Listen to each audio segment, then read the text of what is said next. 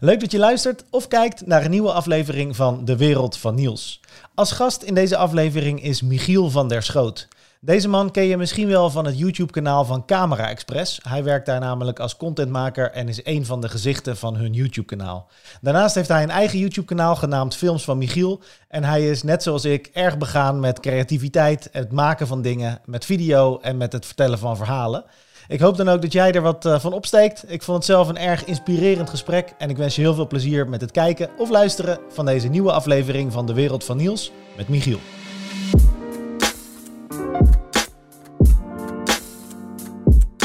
Hey Niels, uh, zet jij altijd de verwarming aan als je gasten komen? Of, uh... ja, echt hè? Warm hè? Het is warm hè? het is heel maar, warm. Maar ook wel lekker, toch? In Nederland hebben we die niet zoveel. Nee, dit zijn momenten die we moeten koesteren. En ik las op nu.nl dat het uh, sinds 1901, en dat is de, het jaartal waarop ze zijn begonnen met uh, meten, niet zo lang achter elkaar, zonder tussendag, zo warm is geweest. Ja, precies. Ja. ja. Uh, bij mij binnen is het 33 graden gemiddeld. Ja, ik denk hier nu ook wel ongeveer. Ja, dat denk ik ook, ja. ja. ja. we hebben water, dus het moet helemaal goed komen. Denk precies. Ik. Nou moet ik wel bij zeggen dat deze podcast pas volgende week vrijdag online komt. Ah, oké. Okay. Uh, want het is nu, uh, wat is het, dinsdag 11 augustus, als ik me niet vergis. Uh, ja, klopt. Weet jij dat uit je ja, hoofd? Nee, dat ja. weet ik uit mijn hoofd. Ja. Goed. maar ja, dus misschien tegen de tijd dat deze podcast online komt, is het gelijk weer, weer koud in Nederland. En denken we met weemoed terug aan deze precies. warme dagen. Ja, precies. Dan zit iedereen ons te kijken. Wat zitten ze nou moeilijk te doen om met z'n tweeën, die gasten. Ja, echt hè. Michiel, welkom jongen in deze podcast. Dankjewel. Leuk dat je er bent. Jij bent de eerste gast die ik uh, nog niet eerder in persoon heb ontmoet, die, uh, die in deze podcast uh, te gast is. Dus dat is voor mij wel ergens een beetje een primeur. Maar leuk man, goed dat je er bent. Ja, thanks. Ik, ik vind het een eer om er te mogen zijn, dat zeg ik, zeg je heel eerlijk. en het was ook wel bijzonder, want wij kennen elkaar over het internet toch al denk ik een aantal jaar. Ja. heel vaak het idee gehad om iets te gaan doen, iets samen op te nemen, hè, een video of iets dergelijks. En dat we dan nu drie, maar misschien wel vier jaar later pas tegenover elkaar zitten, is wel, uh, ja. Nou, dan wel gelijk goed. Ja, echt hè? Precies, in ja, een goede setting. Ja, ja nee, want dat klopt inderdaad. Ik ben al lang geleden ben ik geabonneerd op jouw uh, YouTube-kanaal, Films van Michiel. Ja. Um, voor de mensen die jouw YouTube-kanaal niet kennen, wat kan je daarover vertellen? Oeh, ja, het zegt eigenlijk al een beetje uh, wat het is hè, in de naam. Films van Michiel, het zijn mijn films. dus ik noem het ook films, geen video's. Dat doe ik expres. Uh, omdat voor mij elke video die ik maak, zie ik een beetje als een korte film. Um, de onderwerpen die ik aansnijd, die zijn ook echt heel erg uit mijn leven gegrepen. Dus het kan iets heel luchtig zijn. Het kan ook iets heel, nou ja, zwaar zijn soms. Uh, en ik vind het dan heel vet om dat uh, niet alleen met een heel mooi verhaal te brengen, maar ook nog eens visueel heel aantrekkelijk te maken. en zo krijg je films van Michiel. Ja, cool man. Ja. Want jij bent uh, volgens mij, net als ik, uh, kan jij jouw werk omschrijven als uh, contentmaker. Ja. En dat betekent dat jij content maakt. Hè? Dat Klopt. is een ja, toepasselijke ja. naam. Ja, um, en jij werkt voor Camera Express. En je hebt dus ook je eigen YouTube-kanaal. Ja. En jij hebt een achtergrond in, in het onderwijs. Ja, zeker. En dat vind ik wel heel, heel cool en interessant. Ja. Um, ik denk dat het handig is voor de mensen die jou niet kennen... om eventjes een korte introductie te geven op wat jij allemaal doet. En dan gaan we daarna gaan we lekker de verdieping in. Nou, laten we dat doen. De kunst van een podcast is om er een, een begrijpbare uh, lijn in aan te brengen. Dus daarin ben ik me aan het ontwikkelen. Ja, maar dat, ik vind dat je dat supergoed doet. ja, ik vind vooral de introducties ook in het begin uh, supergoed gedaan, man. Ja, thanks. Ja, ja, absoluut. Zal ik iets over mezelf vertellen? Vertel, ja, zeker. Nou ja, ik ben uh, Michiel. Um, ik ben 34 jaar. En uh, ik ben inderdaad uh, ja, bijna 11 jaar basisschoolmeester geweest. Van voornamelijk groep 7 en 8. Um, maar altijd een ontzettende passie gehad voor het maken van video's. Dus daar was ik al van jongs af aan mee bezig. En dan met name moet je denken aan uh, filmpjes maken uh, van de reisjes of uh, weekendjes met vrienden bijvoorbeeld. En dan de huiskamer vol en nou kijken met z'n allen. En ja. dan helemaal zenuwachtig van wat vinden ze ervan, weet je wel. Dat was echt al een dingetje. Dus toen had ik een publiek van, nou ja, zeg tien mensen. Um, en op een gegeven moment toen uh, dacht ik, nou, het lijkt me ook wel tof om dat uh, wat groter te doen. Dus toen uh, een Vimeo-kanaal gestart. Oh joh. Ja, ja, ja, zeker. Ik was nog een van die mensen. Ja, ja, ja. dat heeft niet lang geduurd. Toen nee. dacht ik, ja, YouTube, daar zitten toch meer mensen. Dus YouTube aangemaakt. En um, ja, door de jaren heen is dat gegroeid. In het begin was ik heel erg gefocust op... Ik, ik was heel erg geïnteresseerd in, in film maken en, en special effects. Dus daar was ik heel erg mee bezig. En dan was ik soms ook... Uh, um, um, weken met één video bezig. Uh, en toen op een gegeven moment merkte ik van ja, dan heb ik te weinig, te weinig input, weet je wel, om video's te blijven maken. Want ja, zie maar eens elke week een nieuw onderwerp te vinden. En toen dacht ik, nou, weet je wat ik doe? Ik ga gewoon zelf voor de camera staan, want dan heb ik elke week een onderwerp. Want ik heb altijd wel iets meegemaakt of iets uh, waar iets te vertellen. Ja, ja, precies. En toen werd het eigenlijk films van Michiel. Nou, daarnaast, uh, nou ja, goed, leerkracht geweest. Op een gegeven moment zoveel uren, zoveel tijd gestopt in het, in het ontwikkelen. Hè. Ik ben wel autodidact, dus ik heb het echt, echt allemaal mezelf aangeleerd. En uh, op een gegeven moment op een punt van ja, ik, ik, denk dat ik het in me heb om hier misschien ook wel mijn werk van te maken. Althans, dat zou ik in ieder geval geweldig vinden. Ja. Dus um, aan het begin, uh, ik denk drie jaar geleden, aan het begin van het schooljaar, was net gestart met mijn nieuwe klas, uh, ben ik naar mijn manager gegaan toen de tijd en gezegd van, um, ik ga het je nu alvast zeggen, aan het einde van het jaar stop ik ermee. Um, dat doe ik om twee redenen. Eén is zodat jij een jaar de tijd hebt om iemand te vinden die mij kan vervangen. Want dat is in het onderwijs best wel moeilijk. Ja. En twee is, voor mij is het een stok achter de deur. Want ik weet nu, ik moet. Dus ik, ik moet ook echt achter, erachteraan. Want ik kan niet zomaar zonder baan zitten. Want ik heb gewoon een huis en ik moet, ik moet centen verdienen. Ja. Nou, dat was een hele slimme zet achteraf. Heel eng, maar wel een slimme zet. En uh, nou goed, via een, een, hoop verschillende sollicitaties enzovoort ben ik dan bij Camera Express gekomen. En daar werk ik nu alweer bijna twee jaar, denk ik, of zelfs langer dan twee jaar inmiddels. En daar ben ik fulltime video producer en zelfs ook uh, stuur ik een beetje het videoteam aan, of althans coördineer ik dat. Ja, en een beetje boegbeeld ook zelf. Ja, ja, dat was helemaal niet de bedoeling. Nee. Ik wilde eigenlijk gewoon ontzettend veel leren. Uh, ik wilde op een professioneel gebied wilde ik video's maken om te kijken, ben ik daar, kan ik dat? Weet je, zit ik op een level dat ik, dat ik professioneel, heb ik iets te bieden? Ik dacht van wel, maar ik wilde dat ook aan mezelf bewijzen. Dus dat ja. was dan de stap.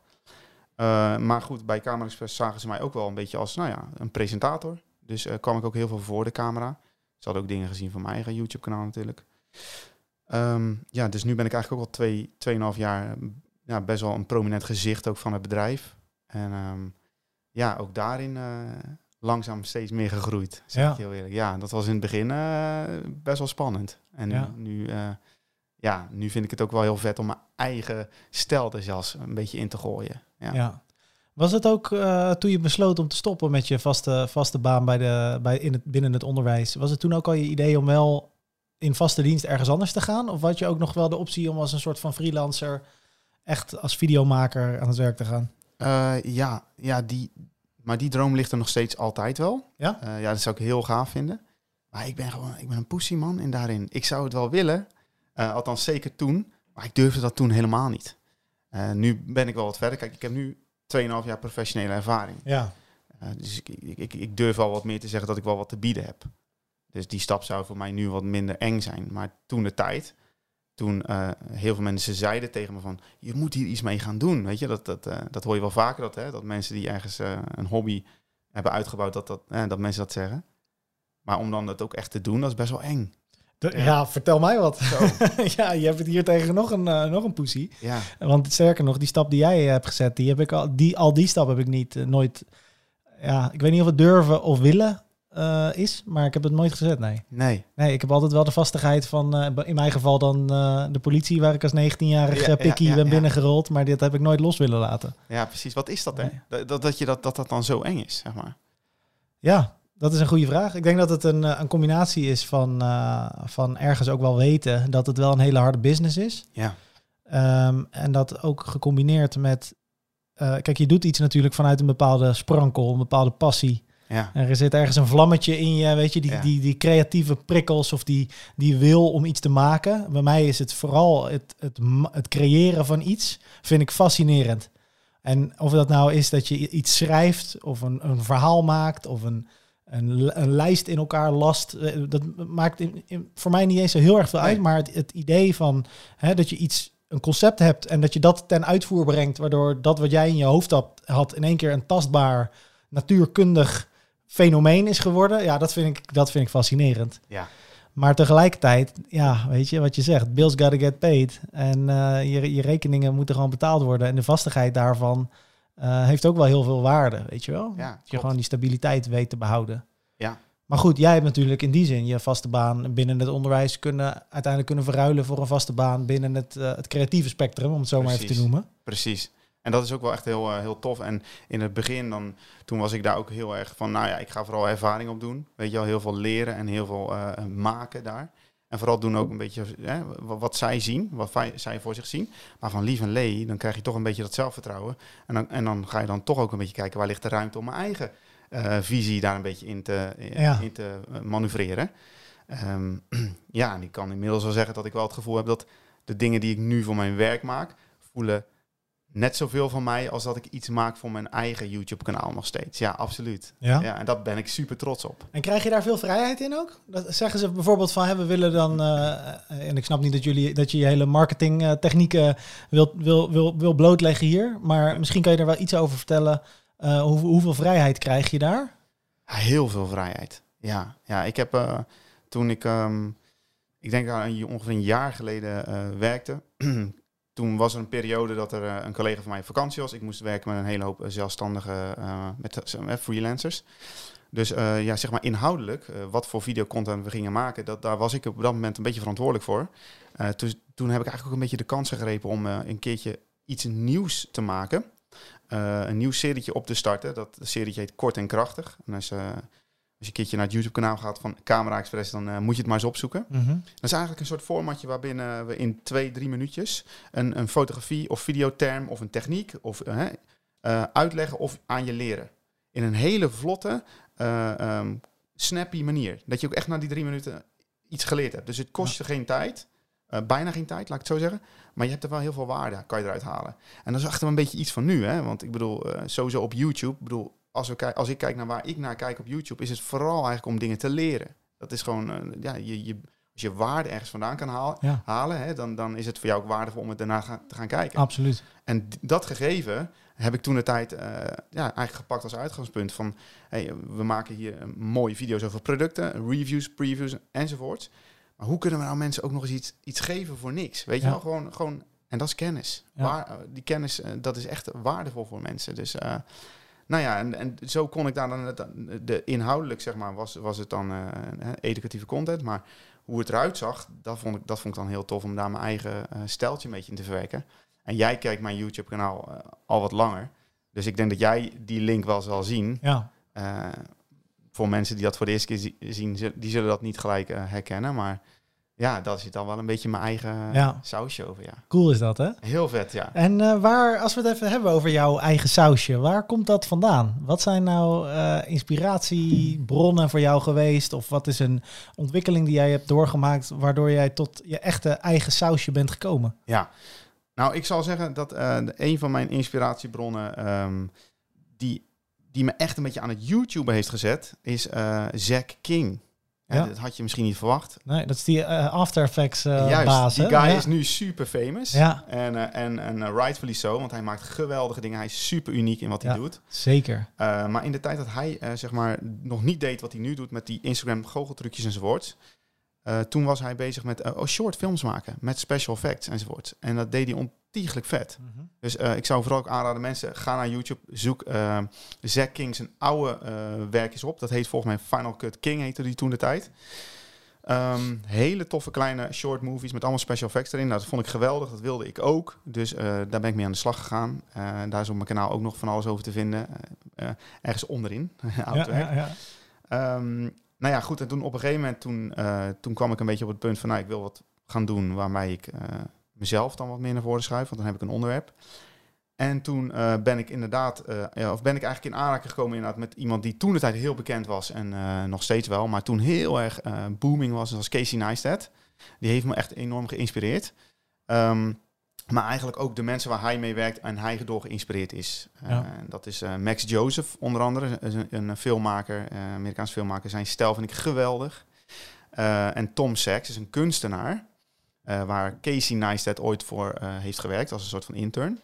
En uh, zijn kunst is heel erg ook, uh, daarin zul je heel veel, uh, in Casey Neistat zijn video's zul je heel veel herkennen van de kunst die Tom Sachs maakt en de, de stijl die hij daarin kiest. Ja. Je ziet ook, dat is super mooi, want degene, de mensen die mij inspireren, zijn ook weer geïnspireerd door hun inspiratoren. Weet je? Zeker, dat is super ja. vet. Ja, absoluut.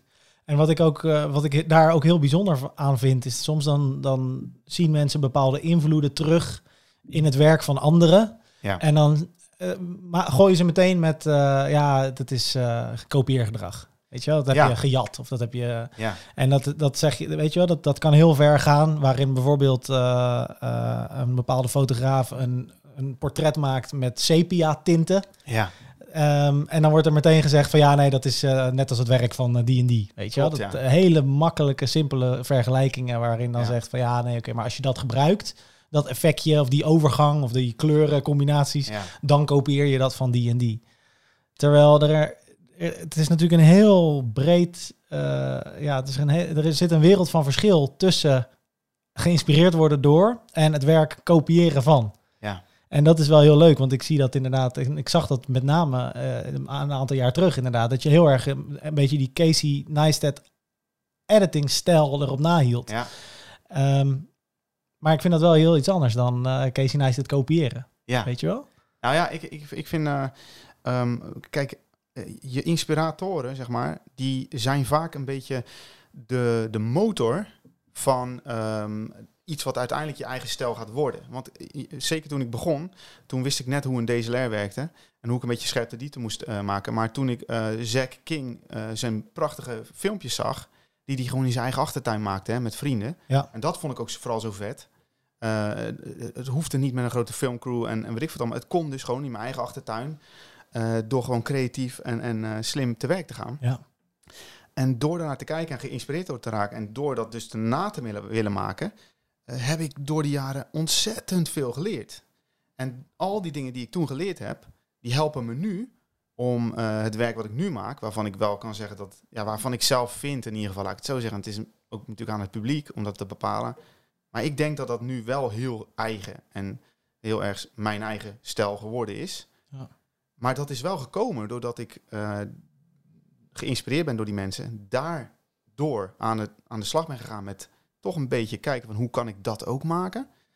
En, en door dat te doen heb ik superveel geleerd, waardoor ik uiteindelijk dat heb kunnen gebruiken om iets geheel eigens te gaan maken. Ja. En ik denk dat dat eh, iets heel anders is dan als je daadwerkelijk iets kopieert. Ik denk namelijk als je bijvoorbeeld eh, eh, iemand pakt die 200.000 abonnees zou hebben. En die gaat letterlijk iets doen wat een enorm populaire YouTuber ook doet. Puur om, om, om ja, voor gewin. Hè, daar komt het dan een beetje op neer. Ja, dan heb je het in mijn ogen veel meer over kopieergedrag. Omdat er dan gewin bij komt kijken. Ja. Als je het puur doet, omdat je daar super enthousiast van wordt. En, en, en super eh, passie voelt en, en blij van wordt en vroeg op wil staan. Omdat je gelijk weer aan de slag bent met dat project waar je gisteravond tot diep in de nacht nog aan hebt gewerkt. Eh, omdat je gewoon door die inspiratie eh, dat vuur hebt gevonden om, om iets, iets vets te Ja. maken. Dat is iets heel anders. Zeker. En ook geef je daarna ook de credits eh, en, en geef je ook prijs wie jou daartoe hebben geïnspireerd. Ja, Want het, mag, het hoeft helemaal geen geheim te zijn nee, joh, natuurlijk. zeker niet. Ik heb ook fotografen die mij inspireren. En ik heb ook podcast hosts waar ik naar kijk van oké, hoe zij het doen, dat wil ik ook. Ja. Dan, ja, maar daar ga ik niet over liegen. Ik Nee. bedoel, dat, dat, ik denk wie- dat dat wie- heel gezond is, wie weet je wel. jou bijvoorbeeld? Ben ik wel benieuwd naar. Ehm, op welk gebied? Ja, ik, ik, ik, nou ja, kijk, podcast ligt nu een beetje voor de hand natuurlijk. Ja, Eh, fotografiegebied. fotografiegebied vind ik wel een hele lastige. Want mijn fotografiegebied is een beetje versplinterd. En Ja. ik moet zeggen dat ik, eh, omdat ik heel erg... Mijn fotografie is heel erg gelieerd aan mijn YouTube-kanaal. Ja, Dus ik gebruik bijna mijn fotografie als eh, middel om content over te maken. ja, En ik ben dus nog heel erg zoekende naar wie ik nou eigenlijk ben en wil worden als fotograaf. ja. Ben je daar ooit klaar mee, is de grote vraag. Nee, dat, dat denk ik niet. Maar ik zie wel dat er andere fotografen een stuk verder zijn op het gebied van dit is het pad wat ik bewandel en Ja. dit is waar ik naartoe wil. Ja. En ik heb een beetje zoiets van ja, ik zou me ook nog wel willen ontwikkelen in de portretfotografie. Eh, ik wil ook mijn eigen straatfotografie nog wel wat meer, wat meer uitkristalliseren en wat meer ook thematisch aanpakken.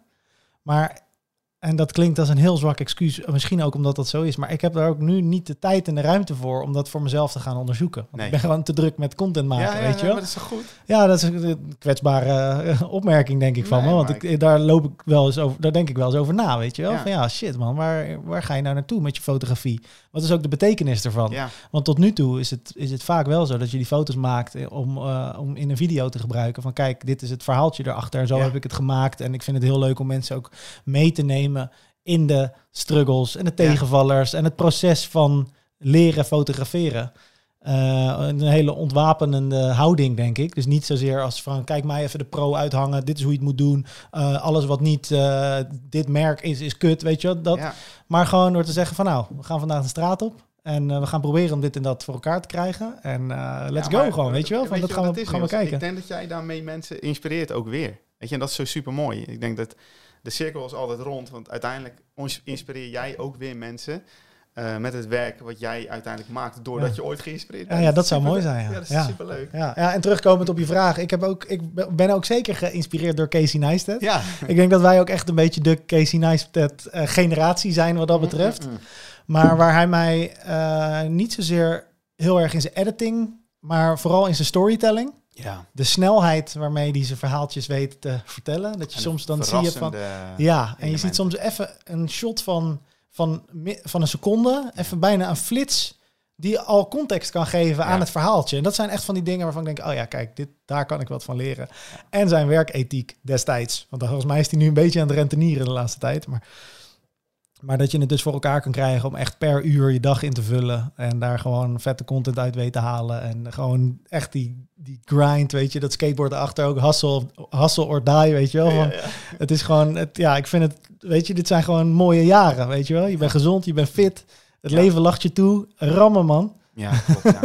nou ja, dat, dat is een, om, om, dat, om wat eh, inspiratie, om daar even op door te gaan. De, weet je, inspiratie eh, haal je niet altijd direct uit de mensen, eh, alleen uit de mensen die, die daadwerkelijk doen wat jij doet. Dus Nee. in, dit, in ons geval video maken of fotograferen. Sorry. Maar in mijn geval, ik lees ook bijvoorbeeld best wel veel boeken. En iemand die me bijvoorbeeld ook heel erg geïnspireerd heeft, eh, is, of, we hebben het er net even over gehad. Een boek eh, wat me heel erg geïnspireerd heeft, is eh, het, het verhaal van de oprichter van Nike. Het boek heet Shoe Dog. Ik kan het iedereen aanraden. En de, de oprichter van Nike. ehm, Shoe dog. Shoe Dog. Shoe dog, oké. Yes. Shoe dog, ja. En dat verhaal is weergaloos, man. Kijk, Nike is natuurlijk niet zomaar iets. Dat is een van de allergrootste merken ter wereld. Ja. Maar om daar te komen, om iets te maken wat zo groot is, wat zoveel impact heeft. Als je ziet wat die man, wat voor keuzes die heeft gemaakt, wat voor risico's die heeft genomen, hoe inventief die is geweest. Ja, dan zie je wel, weet je, dat kan mij ontzettend inspireren ook. Ja. Eh, dus het zit in zoveel eh, verschillende Dan. dingen. Ja, pak hem even. Oh, bijna raak. Oeh, ja, je had hem, maar er komt nog wel een kans. hè. Ja. Excuses, jongens. We hebben hier een mug in de kamer. Super irritant. ja, echt, hè? Ja, ik zie jouw blik ook af en toe even Ja, ja, ja, zeker. Ja. Sorry dat ik je onderbreek. Nee, niet. Maar eh, wat ik, ik wil er nog wel wat over zeggen. Want ehm, ehm, ik vergelijk... eh, dit komt eigenlijk een beetje op creativiteit. Hè? Inspiratie, creativiteit. En ik zie creativiteit een beetje... Ik vergelijk het heel graag met vuur.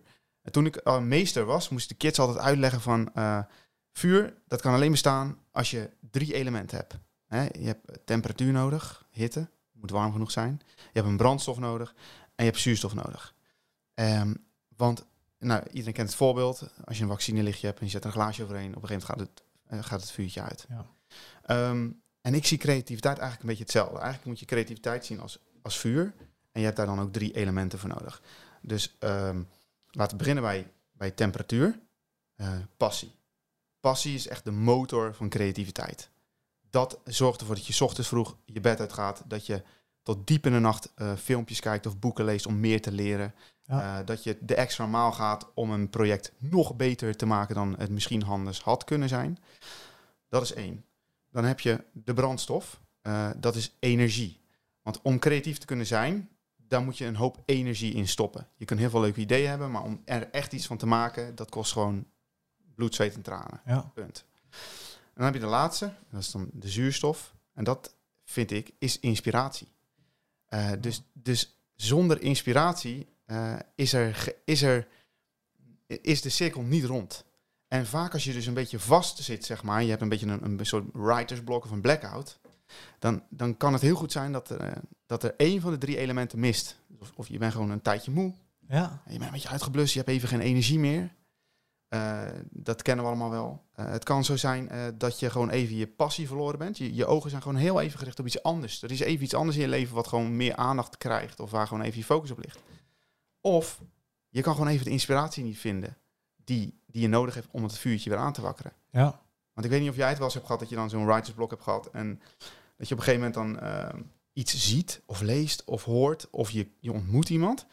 En ineens, je komt thuis en je denkt, potverdikkie, ik heb een, een potje zin om iets te gaan doen nu. Ja, Want diegene of datgene heeft je dan geïnspireerd Ja. om weer aan de gang te gaan. ja, Dus zo belangrijk is inspiratie, weet je? ja. Mooi, mooie vergelijking ook, man. Ja, Echt heel cool. Ik heb er nog nooit zo op die manier eh, over nagedacht. Maar het- ik, ja, ik kan er niks aan afdoen. Het, het, het klopt ook helemaal, denk ik. Ja. Wat ik daar wel aan toe kan voegen, is dat het, eh, ehm, Je kan het ook heel erg koppelen naar de karakters van mensen. Want ik zie vaak dat de echte, pure, creatieve geesten, waar ik mezelf totaal niet onder schaar, die vinden het vaak moeilijk om al hun ideeën tot uitvoering te brengen. ja, Dat zijn echt de, nou ja, wat ik zeg, hè, die hebben echt een soort van pure eh, ja, creaties, creatieve aspecten in hun, in hun bewustzijn.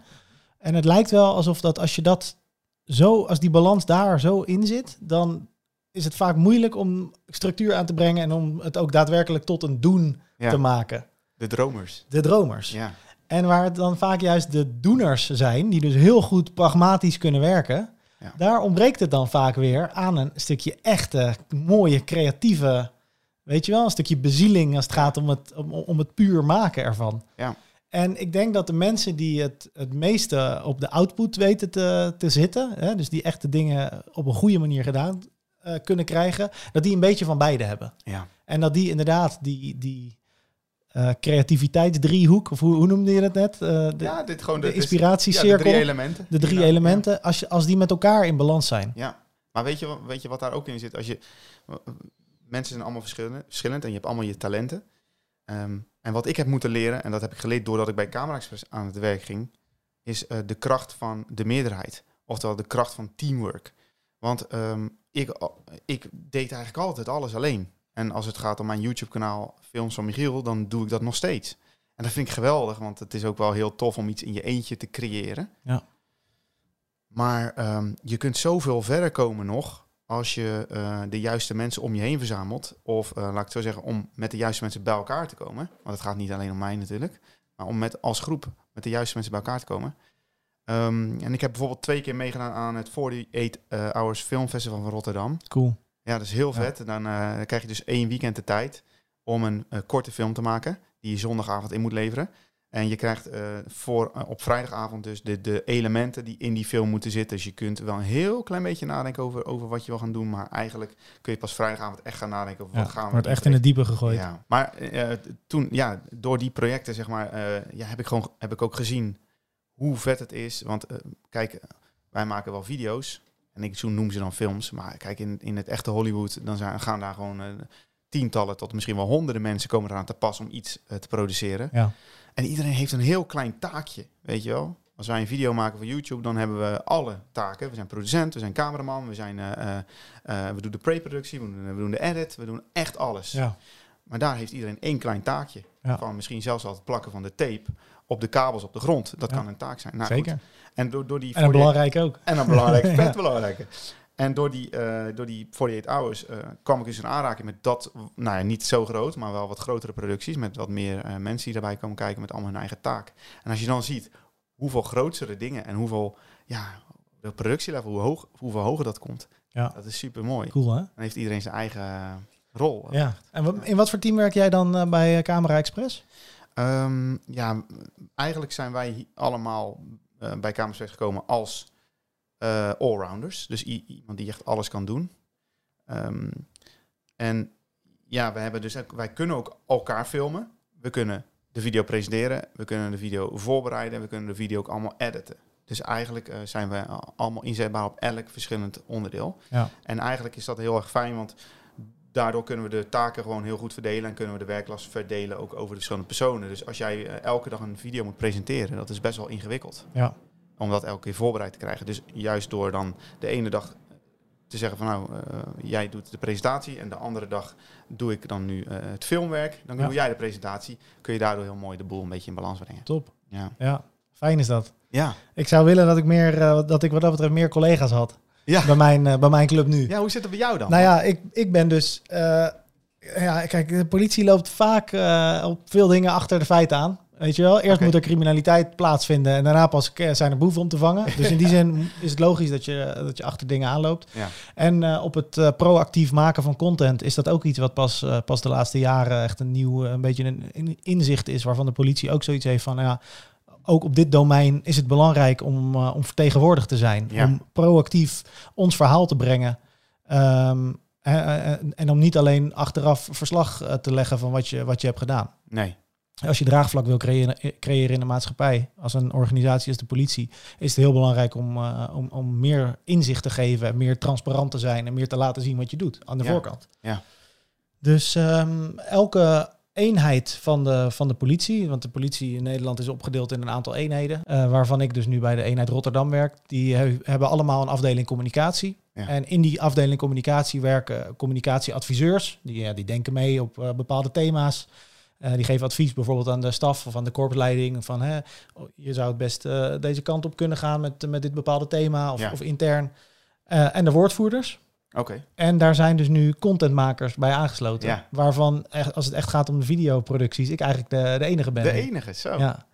Dus ik ben ook echt eh, in die zin een allrounder, weet je wel? Echt een generalist. Ik weet eh, veel van de, de politiepraktijk, want ik ben echt eh, gewoon politieman, zeg maar. Mhm.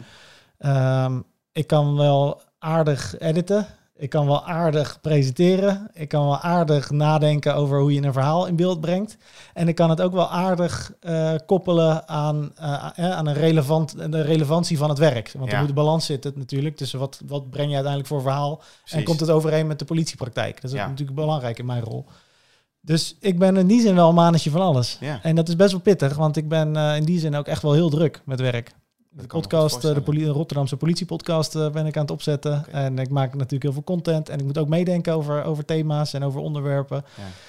Eh, dus ik zou graag meer slagkracht willen hebben en een productieteam. En, dat, maar dat zijn allemaal utopieën, dat gaat niet gebeuren. En dan ook nog dit, deze podcast doen en je eigen video's, man. Kijk, dat, Ja. maar daaruit spreekt dan wel die ongelofelijke passie die je hebt. Ja, En, en die, dat doorzettingsvermogen, wat- dat vind ik dan wel, vind ik wel het benoemen waard. Ja. Weet je? En ze hebben ook al, denk ik, de, de, ja, de uitgelezen persoon gekozen voor die job bij de politie.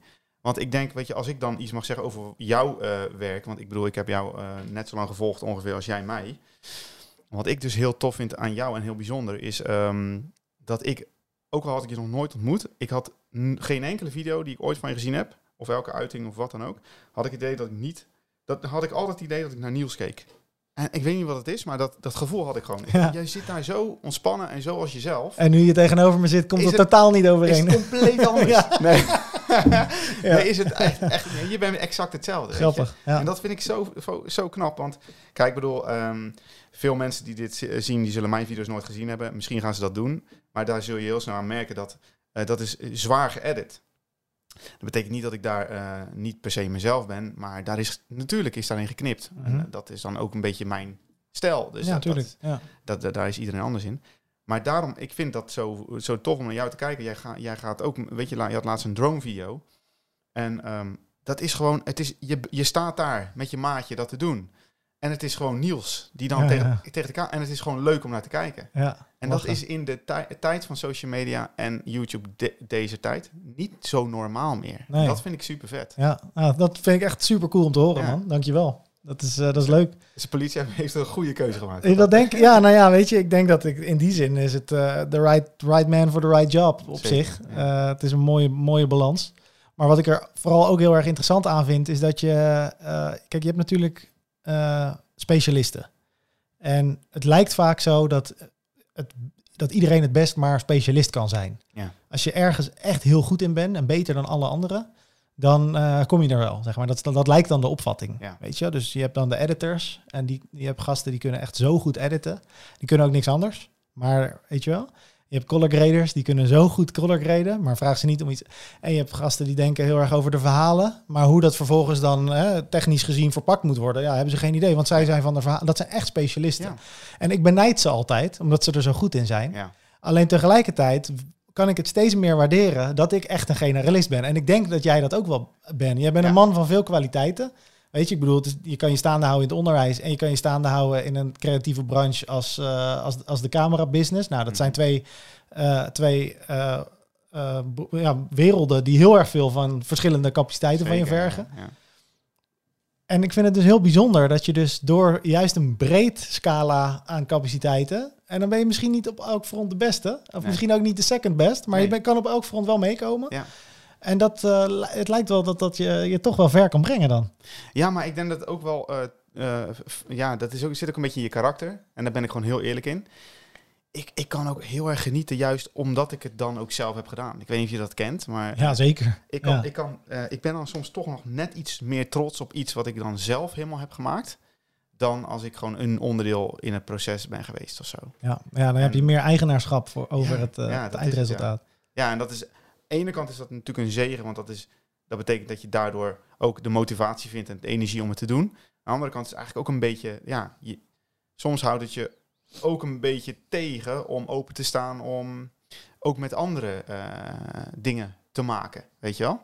En juist Ja. door mijn werk heb ik gelukkig geleerd dat dat heel erg eh, heel veel brengt. Ja. Maar dat heb ik, dat heb ik moeten leren. Dat ja, heel ja, nou weet je wat ik dus heel moeilijk vind daar in het verlengde daarvan, is door mensen eh, gewoon mee te nemen in mijn gedachteprocessen. Oh ja, En ja. ik denk dat als wij het hebben over het maken van een video, omdat wij al min of meer op dezelfde golflengte zitten, Ja. kom- is het heel makkelijk. Van oké, laten we dit shot zo. Laten we... Maar als jij dus met mensen zit die niet, eh, wat geen videomensen zijn, om die dan op de hoogte te stellen van ja, maar zo gaan we het doen. En hier heb ik dan beelden bij en dat ga ik zo. Ik ben dan bijna in staat om te zeggen van weet je wat? Eddie, ik spreek je volgende week. Het komt wel goed.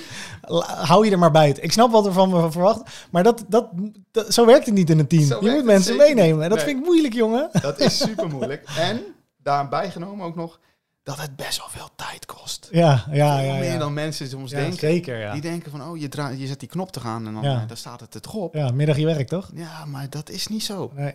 Nee. En eh, ja, dat is de uitdaging. Maar goed, dat, dat hoort bij het vak. Ja, maar is toch leuk? En dat zijn ook leuke dingen om je ook weer in te ontwikkelen. ik. Ja, klopt ja. Absoluut. Hey, wat is nou een video waar jij het meest trots op bent? Oeh. ehm, oh ja, dat is... Nou, ik, ik weet er wel eentje waar ik echt wel denk... een van de meest... De video's waar ik het meest trots op ben. Eh, en dat is een video die ik heb gemaakt over mijn allerbeste vriend. Ehm, en die eh, video heet Een foto zegt meer. En ehm, het leuke is, maar wat, het doel van die video was eigenlijk, ik, wilde een video maken over een reis die ik met mijn allerbeste vriend heb gemaakt naar eh, Indonesië. En toen dacht ik, maar ja, we zijn al 31 jaar vrienden. Want we- hij zat op mijn, eh, bij mijn moeder op bed toen ik net geboren was. Dus Oh, wij ja. zijn letterlijk zo oud als dat we vrienden zijn. Dus Ja. dat is super vet. En toen dacht ik, weet je wat ik ga doen? Ik ga een video maken over onze vriendschap. Met de, en dan die, die, die reis die zit er een beetje zo, die loopt er een beetje als een rode draad zo doorheen. Maar toen dacht ik, ja, hoe ga ik dat dan doen? Want ik heb niet eh, onze vriendschap gefilmd, 34 jaar lang. Dus toen heb ik gewoon alle Jezus veel foto's opgezocht. En toen heb ik eh, eh, eigenlijk van, een, van al die foto's heb ik een video gemaakt. En daarom heet het een foto zegt meer Ja, dan duizend woorden. ja. Ehm, en daar ben ik super trots op, want dat heeft natuurlijk, die video heeft eh, daar natuurlijk een dubbele betekenis ook mee. En die, die maakte ik natuurlijk ook een beetje als soort ode aan onze vriendschap. Ja. En ik vind de video gewoon heel vet geworden. Daar ben ik super lang mee bezig geweest, maar daar is het resultaat dan ook wel naar.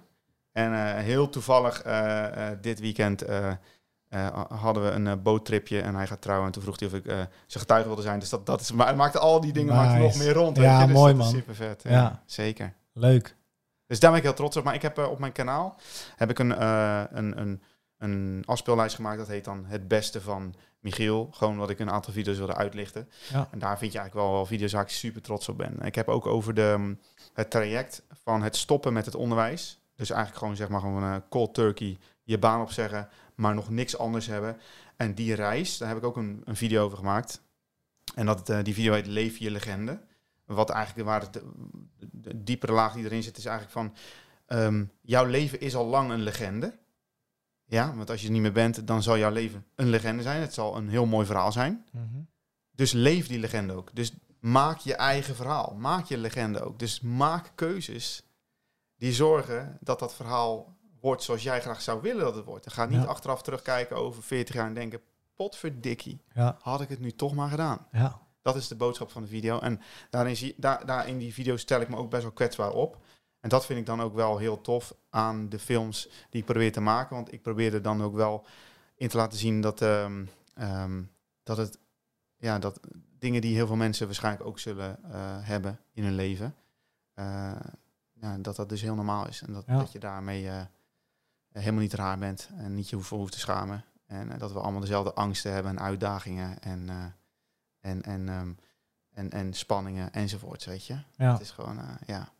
Zie je daar ook een, eh, een soort van taak voor jezelf? Om mensen mee, Nou. mee te nemen en bewust te maken ook van de menselijke kant van dingen? Want wat je net tegen mij zei, is dat je het waardeert dat ik eh, probeer gewoon mezelf te zijn. Ja. je? Ik ga niet theatraler doen dan dat ik ben. Ik ga ook niet eh, voor de likes maar rare dingen doen, weet je wel. Ik ben ik ook niet, daar ben ik ook niet de persoon voor. Heb ik ook niet de baan voor trouwens, weet je. Gedraag je gewoon fucking normaal. ja, zeker ja. Maar, eh, maar zie jij daar voor jezelf ook wel een soort van moreel besef waarin je mensen wil meenemen van luister, het is ook wel goed wie je bent of het is oké. Ja, ik zou het geweldig vinden als, als ik dat ermee bereik. Eh, nogmaals, als je jezelf inspireert, is denk dat, dat denk ik het mooiste wat je kunt bereiken met welke creativiteit eh, die je dan ook doet.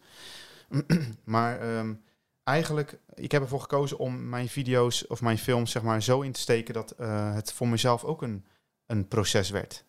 Dus door die video te maken, ik zeg altijd maar zo, voor mij is video maken zo belangrijk. Het is namelijk voor mij de enige manier om orde te, te scheppen in mijn chaos, in mijn hoofd. I- ik heb altijd het gevoel dat als ik met iemand praat en ik wil iets, iets duidelijk maken over iets wat ik vind of weet je, over, hoe ik me voel, dat ik me dat nooit helemaal goed lukt, dat ik nooit de goede woorden kan vinden. En eh, het mooie aan film is, is dat je dat kan je voorbereiden. Dus daar kun je heel goed over nadenken over hoe je dingen verwoordt en hoe je dingen in beeld wil brengen. Dus film was voor mij daardoor ook een super mooie manier om die chaos die ik had, om dan toch die boodschap heel mooi naar de buitenwereld te brengen. Van nou oké, dit is mijn ervaring geweest of dit is mijn les geweest. Ja. En eh, ehm, eigenlijk is dat dus een super mooi proces voor mezelf. Want bijvoorbeeld die video die ik heb gemaakt, Leef je legende, over dat proces van hè, eh, in het diepe eh, springen en ga je droom achterna. die had ik heel erg nodig. Want toen ik klaar was, had ik eindelijk een, een soort van gevoel van... hé, hey, ik kan dit ook nu afsluiten. Dit is Ja. vastgelegd. Ik weet, mensen weten nu wat dit voor mij betekent. Klaar, weet je? En dat was super fijn. Want daardoor was dat boek soort van gesloten. En kon ik door naar het volgende. Echt verder. Ja, en dat je daarmee hopelijk dan andere mensen inspireert. Of, of, of misschien eh, een fijn gevoel kan geven door te laten zien dat jij ook maar gewoon een, een mens bent. En eh, dat vind ik dan een super mooie bijkomstigheid, zeg maar. Is een video belangrijker als die het voor de buitenwereld goed doet? Of als jij er zelf een goed gevoel over hebt? 120% het laatste. Maar ik ga heel eerlijk zijn, ga ik weer heel eerlijk zijn, dat is niet altijd zo geweest. Ehm, heb ik ook een video over gemaakt. Ik, blijf, ik blijf niet pluggen. Ik heb ook een video gemaakt over. Ik heb ehm, mezelf het doel gesteld om ehm, elke week een video te gaan maken. Dat deed ik toen, eh, toen de tijd, dat is een aantal jaar geleden. Dat heb ik een jaar lang volgehouden. En toen, na een jaar, heb ik een video gemaakt over hoe ik dat vond. En toen ben ik heel eerlijk geweest in dat ik me in dat jaar veel te veel gefocust heb op wat die video's deden. Wat mensen ervan vonden. En dat me dat altijd tegenviel. Ja. Het was nooit goed genoeg. Nee. En ehm, dat ik daardoor best wel een beetje... eh, ik heb me al een tijdje daardoor me best wel een beetje rot gevoeld, zeg maar. Alsof, ik alsof ik iets naar de buitenwereld moest, moest presteren... wat ik niet waar kon maken of zo. Ja. Ehm, maar juist door die video weer te maken... heb ik dat soort van ja, kunnen draaien. Zo van, hey, Ja. maar de les in die video die voor mezelf was... Hey, daar, daar gaat het helemaal niet om. Nee, het Nee. gaat erom, wat, wat haal jij uit de video? Of eh, uit het project, of uit eh, het schilderij, of uit het boek wat je schrijft, of uit het gerecht wat je maakt. Ja. Want eh, wat jij zo mooi zei in het begin, creativiteit is zo breed als we het willen maken. Weet je wel? Ik bedoel, alles kan creativiteit zijn. Ja. Dus ehm, ja, dat is voor mij nu wel gelukkig zo. En lukt dat ook? Ja, dat is zeker. Ja. Ja? Ik merk dat wel, dat ik, ik zou dat heel graag, ik zou heel graag zo iemand willen zijn. Dat is ook dat boek, oh, die staat hier nu niet, maar eh, The Subtle Art of Not Giving a Fuck. Prachtig boek. Met anonieme mensen die downlikes geven op, op YouTube-video's of die comments geven die je een kutgevoel moeten geven. Ja. Die zouden je niet moeten raken, Nee, maar dat lukt me niet hoor. nee. Ik, eh, en het is niet zozeer dat ik echt constant alle comments ehm, lees of zo. Maar ik merk wel dat ik vatbaar ben voor als een video het goed doet. Als ik er een abonnee bij krijg. Ja. Eh, ik hou dat ook wel in de gaten. Ja, En dat is toch, ja, ik weet niet. Ik zou, daar lief, ik zou dat liever los, meer los willen laten. Maar ja, op de een of andere manier is het toch ook... Het is ook een beetje een spelletje om, om dat YouTube-kanaal te groeien... en om te kijken hoe die video's het doen.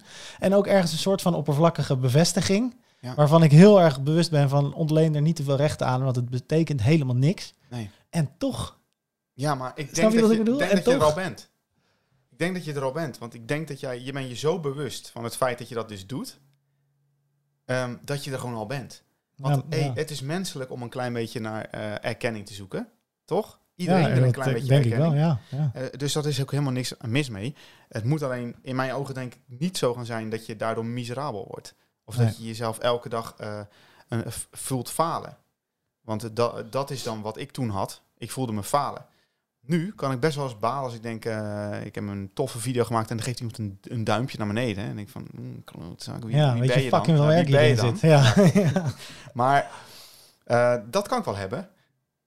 Maar mijn dag wordt er zeker niet minder meer. Nee, Nee, nee. zeker niet. En eh, dat, het feit dat je je YouTube-abonnees in de gaten houdt, dat heb ik ook. En zeker, ik ben een, nog een hele kleine YouTuber ook. Weet je, dus voor mij is elke abonnee, dan, ik kan helemaal blij van worden, man. Ja. Ik vind dat geweldig. Ja. Ja. ik vind dat superleuk. ja. Dus eh, nou, maar ik denk dat dat gewoon normaal is. Dat mag, mag ook wel een beetje. Ja, ik denk het ook. En ik denk inderdaad dat het belangrijk is om het eh, te erkennen. En ook dat het ook belangrijk is om er inderdaad niet te veel. ehm, en ik denk ook dat het omslagpunt zit erin dat op het moment dat jij jouw content gaat aanpassen op wat jij dan maar verwacht Ja. dat zou moeten werken, ten koste van eh, wat je eigenlijk zou maken of zou willen maken. Ja. Ik denk dat daar het omslagpunt in zit, dat het dan niet meer gezond is. Absoluut. Als ja. je maar raar gaat doen of eh, stemmingsmakende dingen lopen, Ja. gaat lopen roepen, omdat je weet dat polariserende teksten het goed doen, ja, dan raak je jezelf helemaal kwijt, man. Nou, ben ik het helemaal mee eens. En ehm, ik moet je zeggen, ik heb eh, een jaar lang bij een YouTube advertising agency onder contract gestaan. Eh, dat stelt allemaal helemaal geen bal voor. Dat klinkt heel cool, maar eh, dat stelde geen bal voor. Dat, daar stonden een aantal andere, of er stonden heel veel YouTubers onder contract. Die waren allemaal vele malen groter dan ik. Alleen, ehm, ja, ze vonden wat ik deed heel tof. En ze Ja. zagen daar wel wat in. En nou, dus mocht ik komen met mijn 300 abonneetjes. Daar zaten echt hele grote YouTubers ook. Ja. Ehm, en ja, ik merkte al eigenlijk in een van de eerste gesprekken van, nou ja, dat er toch een beetje, eh, ja, dat het, dat het vanuit hun ook wel, ze waren gewoon heel eerlijk, weet je. Een YouTube agency zorgt ervoor dat brands eh, jouw eh, video's willen sponsoren of product placement of dat je leuke campagnes aan kan gaan. En daar, daar stond ik op zich niet eh, ehm, onwelwillend tegenover. Maar wel, ik wilde wel gewoon blijven doen wat ik doe, de- deed. Ja, En ik weet gewoon dat ik, wat ik maak, dat zijn niet de video's die viraal gaan heel snel. Eh, misschien heb ik ooit een keer geluk, zou geweldig zijn, maar dat, dat zijn niet 1, 2, de video's die viraal gaan. Dat zijn vaak de video's waar mensen eh, eh, of nou toevallig iets fantastisch doen, of inderdaad toch een beetje meegaan met de trend. Ja. En dat kan soms inderdaad een beetje de, de jolige gekke kant op gaan. ja. En dat moeten de mensen zelf weten. Ehm, maar dat scoort vaak beter. Dus ik, ik wist dat al en dat zeiden ze me toen ook. En toen zei ik, ja, ik ga, ik ga niet iets heel anders doen. Ik heb Nee. wel mijn best gedaan om iets, een nieuw soort serietje te bedenken. Ja. Iets wekelijks enzovoorts. Ja. Nou, en na een jaar is dat niet echt iets geworden. Eh, zij vonden mijn content nog steeds super vet. En dat was voor mij al een, al een eh, compliment op zich. Maar toen Ja. was ik ook gewoon heel reëel van... joh, laten we hier ook gewoon mee stoppen. Ja. Weet je wel. Ja, ik moet er ook wel een beetje nuance in aanbrengen. Want ik heb ook zoiets van, hè, mijn, met name Niels Camp Creative, mijn Engelstalige fotografiekanaal, eh, gaat ook voor een heel groot deel over kennis. En als ik die kennis wil overbrengen, dan denk ik wel van, oké, maar hoe verpak ik dit op een leuke manier dat het ook goed bekeken wordt? Ja. Dus dat is dan wel de nuance erin. Als ik zeg van eh, five tips to get better as a street photographer. Ja. Ja, dan weet ik wel van five tips voor weet ik veel wat video. Die doen het al in principe vaak goed. Ja. Maar dat is niet dat ik dan mijn ziel aan het verkopen ben om maar een of andere gimmicky video te maken. Nee, dat is dat ik een boodschap heb en inhoud en, en, en waarde wil geven. En daar dan over nadenk van oké, hoe, hoe verpak ik dit zo dat mensen het willen, willen zien. Ja. Maar wat ik net bedoelde te zeggen is inderdaad meer dat je soms ziet, zie je mensen en dan denk je van, "Maar volgens mij ben jij helemaal niet zo. Of, en volgens mij wil je helemaal niet zo gedragen. Maar denk je dat dit, of eh, zie je een titel en je klikt erop en blijkt, die, blijkt het gewoon clickbait te zijn. Gaat Klopt. die video daar helemaal bijna niet eens over. Weet je, dat soort dingen denk ik echt, ja, dat is helemaal niet gezond, man. Nee, en ik, ik, ik vind dat ik, ik kan. Kijk, ik, wil niet te veel oordelen, want kijk, iedereen. eh, Ik kan wel zeggen dat jij dat misschien helemaal niet wil doen, maar misschien vind je, ben je wel echt wel zo en wil je echt zo gek doen, of ben jij dat echt in je dagelijks dat zou kunnen. Maar eh, ik heb wel het gevoel, dan laat ik het maar zo zeggen, het gevoel dat er inderdaad dat dat best wel tegenwoordig een probleem is, dat mensen iets gekker doen en soms zelfs iets heel iets gekker doen dan dat ze eigenlijk zijn. Ehm, en dat eigenlijk normaal is, in, zeg maar. Ja. En eh, om gewoon, om dan dat dat populair is, of omdat je, dat je daarmee scoort.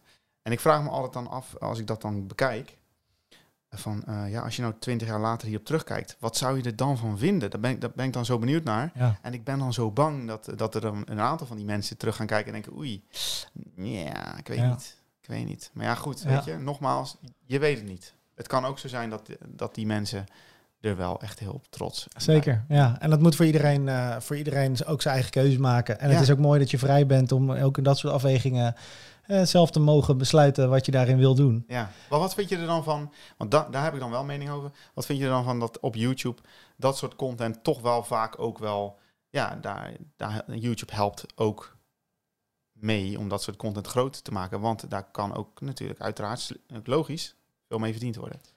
Ja, dat is lastig. Ja, Ja. weet je, ik bedoel, eh, in principe is het gewoon eh, een vrije markt. En waar, Ja. de, waar de ogen zich op richten, daar willen de adverteerders op adverteren. Ja, Eh, kijk, in, als je het in een nog groter plaatje plaatst, is er gewoon wel een probleem aan de hand wereldwijd met geestelijke gezondheid. ja, Met depressies en, en invloeden van sociale media. En ik denk dat wij ook als, als mensheid wel op een, echt op een soort van kruispunt staan nu, waarin we.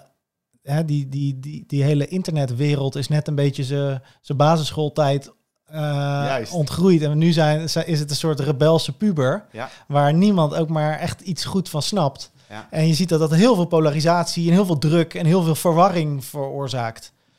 Dus ja, wat ik ervan vind, eh, dat, dat adverteerders en dat YouTube als platform dat dan ook eh, support. Ja, ik denk dat dat een, een logisch gevolg is van, eh, van de situatie waarin we nu zitten. ja, En ik hoop dat we op een gegeven moment als een soort van collectief bewustzijn dat ook weer kunnen ontgroeien. Ja.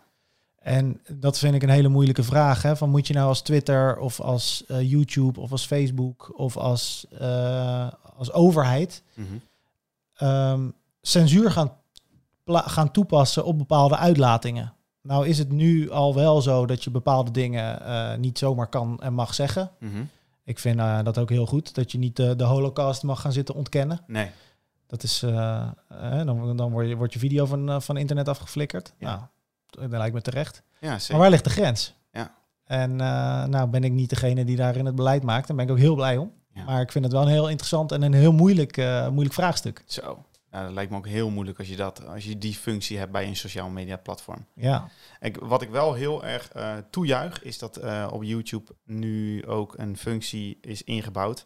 Ik weet niet of die voor iedereen al eh, openbaar is, maar dat je dus een, een, een join, een soort join button. Dus dan kun je dus ehm, eigenlijk zeg maar mensen een bedrag per maand laten betalen voor jouw content. ja. Maar gewoon eigenlijk om jou te steunen, zodat jij meer tijd vrij kunt maken om je content te maken. En dan kan je lid worden of zo, hè? Ja, Zoiets, ja. kunt- ja, het is een soort, ik weet niet of je ooit van Patreon hebt gehoord, Ja. maar het is een soort Patreon. En ehm, dat vind ik super goed, want kijk, eh, nogmaals, het is, je hebt helemaal gelijk, het is super logisch dat YouTube, eh, en de eh, adverteerders inzetten op content die scoort. En als dat een beetje, ja, aparte content is, ja, nou goed, dat, oké, daar, daar kan je dan wel wat voor zeggen. Maar daardoor komt soms wat minder ehm, content die wat minder voor de mainstream is, wat minder naar boven. En dat vind ik best wel zonde, want YouTube is zo, eh, zo rijk aan zoveel fantastische creators die super, eh, die televisiewaardige, bioscoopwaardige content maken, Ja, die soms eh, wat meer zou verdienen. Ja. En juist door dit soort, door dit soort nieuwe ontwikkelingen krijgen die mensen een steuntje in de rug. Want eigenlijk, eh, het, het, wa- wat koop je met dat geld? Je koopt de tijd voor de creator om nog meer te maken. En dat is eigenlijk uiteindelijk wat we willen ja natuurlijk. zeker. Ehm, en, en dat vind ik wel, dan wel weer heel erg tof. Ja. En ook dat is iets wat, wat zich moet gaan ontwikkelen. Dat mensen ook Ja. het bewustzijn krijgen van... oké, deze persoon zou ik moeten steunen. Ja, Want dat is nu ook nog zo van... ja, maar wacht even, het is toch gratis? Weet je, wat ga je doen dan? Stoppen met video's maken? Ja. Eh? En, en dat is... Ik bedoel, je, betaalt nog steeds wel voor je, voor je televisieabonnement. of hoe gaat het tegenwoordig? Dat hangt dan vaak onder een, eh, onder een internet eh, ding of zo. Internet en televisie, weet je wel. Ja. Maar ja, dat gaat allemaal veranderen natuurlijk de aankomende jaren. Ik heb Ja. in mijn tienertijd nog in een videotheek gewerkt. Ja. Dat bestaat niet meer. dat bestaat weet je wel? Maar kijk jij nog tv? Is de grote vraag. Eh, Netflix. Netflix, ja, maar dat is toch geen tv? En dan kijk ik weer, soms kijk ik wel eens tv en dan kijk ik weer reclames. Ja. En dan is het weer een reclame van Lactacid Ja. of van eh, weet ik veel wat. En dan denk ik, ja, dit ga ik, ik ga, eh, dat heeft geen, eh, dit- dit is voor mij niet bestemd. Nee. Deze reclame is voor mij helemaal niet relevant. Nee. En ik heb en op zich helemaal niet tegen reclame. Laat mij maar weten wat voor nieuwe aanbiedingen een, een winkel, een fotografiezaak heeft. Of wat voor goedkope tickets ik kan boeken naar weet ik veel wat. Helemaal prima. Als dat voor mij relevant is, wil ik er best, heb ik er best wel oren naar. Maar de tijd waarin eh, er maar echt met losse flodders of eigenlijk met hagelpatronen werd geschoten als het gaat om, eh, om ook om reclame. Ja, die tijd is natuurlijk helemaal voorbij. Dat gaat natuurlijk allemaal steeds meer gepersonaliseerd worden. Klopt. En ik denk dat inderdaad ook als je kijkt naar YouTube, waarin je die eh, suggested video's hebt, die dan gebaseerd zijn op de, abonne oh, de, de, de ab- abonnementen, waar je, of tenminste de kanalen waar je op geabonneerd bent, Ja. en de video's die je hebt gekeken, dan gaat YouTube denken van, oh, volgens mij past dit ook wel bij jou. Ja. En dat is heel grappig, want ik heb dus, eh, als ik dan kijk naar mijn suggested video's, dan is dat zeg maar eh, 70 of 80 procent video film maken. eh 10 of 15 procent eh, MMA, UFC vechten, daar hou ik heel erg van. Ik ook. Ja, en dan wel eh grappig. 10% eh kindertekenfilms, want die eh, kijkt mijn dochter. Super grappig. ja, dat is Ja. heel grappig is dat. Ja, dat is super leuk. Je, je kan ook eh, door, eh, soms als je in zo'n YouTube, eh, zo'n trechter terechtkomt en Ja, je komt in, eh, in nieuwe video's, dan kan je ook je, je eigen homepage helemaal eh, eh, in de war gooien. Ja? Dan krijg je ineens maandenlang krijg je filmpjes. Ik heb een keer een tijd gehad dat ik even helemaal into ehm eh, achtbaan experiences ja, en toen heb ik gewoon allemaal van die achtbaanfilmpjes en van die, van die attracties in Disneyland. en Ja, allemaal. first Ja, daar zou ik waarschijnlijk nooit geen, niet gaan komen over de hele wereld in al die parken. Dus nou, dan maar zo. Ja, Ah, mijn hele, mijn hele homepage stond ermee vol, joh. Ja, man. Ja, dat duurt er even voordat het weg is. echt hè? En heb jij nu ook van die eh, YouTube guilty pleasures? Nou ja, ik heb dus een guilty pleasure. Maar eh, eigenlijk is het eh, niet per se een guilty pleasure, want ik vind het gewoon eigenlijk heel tof. En eh, dat is, eh, ik ben er zelf dan nu ook een beetje mee bezig, maar is hike-video's. Ehm, omdat dat, eh, nou, ik, ik, ik ben een groot liefhebber van eh, de natuur. Eh, niet per se dieren of iets dergelijks, maar gewoon in de natuur zijn. En mooie landschappen. Daar kan ik enorm van genieten. En ik ben op een gegeven moment op iemand gestuurd op YouTube die, eh, nee, die, die dus hikt. En op een gegeven moment daar ook video's of eigenlijk films omheen maakte. Gewoon van zijn eigen hike.